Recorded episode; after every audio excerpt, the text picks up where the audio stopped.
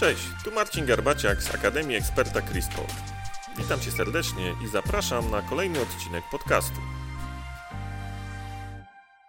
Jeśli właśnie jesteś na etapie planowania lub budowy własnego domu, z dużym prawdopodobieństwem bierzesz też pod uwagę garaż.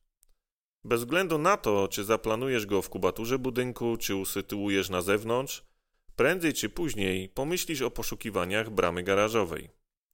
W dzisiejszym odcinku podpowiem, na co zwrócić uwagę już na etapie budowy, by montaż przebiegł sprawnie. Gotowi?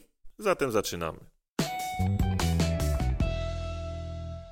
Obecnie na rynku najbardziej popularnym i najchętniej wybieranym do domów rozwiązaniem są bramy segmentowe.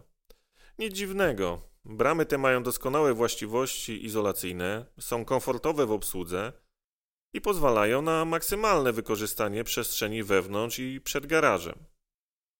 Zastanawiasz się, jak zbudowana jest taka brama i co ją wyróżnia na tle innych? Poszczególne segmenty bramy połączone są zawiasami i uszczelnione na łączeniach i obwodzie. Tu jednak bardzo istotna informacja. Segmentowe bramy górne mają jednak pewne wymagania, o których należy pamiętać już na etapie zamawiania bramy. Zapewnienie właściwych warunków zabudowy pomaga zaoszczędzić niepotrzebnych kosztów, ale także komplikacji podczas montażu. Podpowiadam, co jest szczególnie ważne. Nadproże. To wysokość od górnego krańca otworu wjazdowego do sufitu garażu.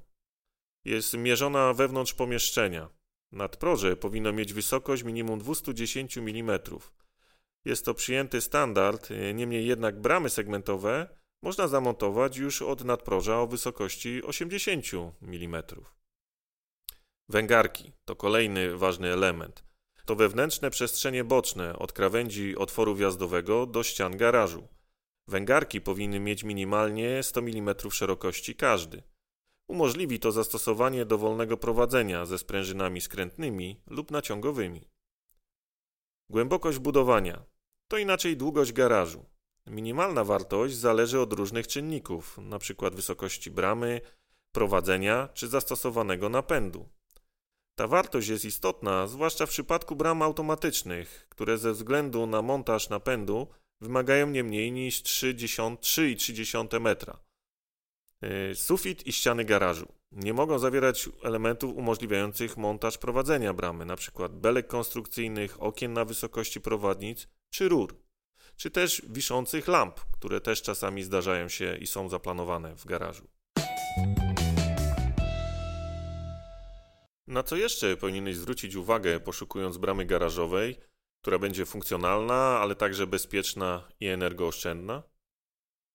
Po pierwsze, ciepło w segmencie. Brama garażowa jest dużym elementem, który źle dopasowany może sprzyjać utracie ciepła. Nie jest to istotny aspekt w przypadku garażu wolnostojącego, jednak coraz częściej garaż jest zintegrowany z bryłą domu. Dlatego warto zadbać o odpowiednie zabezpieczenie garażu przed utratą cennego ciepła z budynku. Jakie elementy składają się na ciepłą bramę garażową? Po pierwsze, ciepło w segmencie. Brama garażowa jest dużym elementem, który źle dopasowany może sprzyjać utracie ciepła. Nie jest to istotny aspekt w przypadku garażu wolnostojącego, jednak coraz częściej garaż jest zintegrowany z bryłą domu. Dlatego warto zadbać o odpowiednie zabezpieczenie garażu przed utratą cennego ciepła z budynku. Jakie elementy składają się na ciepłą bramę garażową? Przede wszystkim segmenty wypełnione są pianką poliuretanową, która stanowi doskonały izolator. W najcieplejszych modelach bram grubość segmentu może wynosić 60 mm, a nawet więcej. Ciepła brama, np. z oferty Crispol, posiada podwójne uszczelnienie dolnego panelu, uszczelnienia międzysekcyjne oraz dodatkową uszczelkę obwodową, niwelującą mostki termiczne między ścianą a kątownikami. Taka budowa umożliwia osiągnięcie niskiego współczynnika przenikalności cieplnej. Po drugie, bezpieczeństwo. Każda brama, oprócz doskonałych parametrów, powinna spełniać najwyższe standardy bezpieczeństwa, zarówno pod kątem użytkowym, jak i na wypadek odpukać włamania. Bardzo ważne, aby w bramie było zamontowane zabezpieczenie przed opadnięciem bramy na wypadek zerwania sprężyny.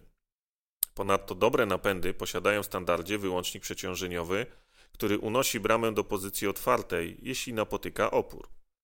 Bramę z napędem można także wyposażyć w fotokomórki, które uniemożliwiają zamknięcie, jeśli w świetle bramy znajdzie się przeszkoda, rowerek bądź pozostawiona inna przeszkoda typu wózeczek czy samochód.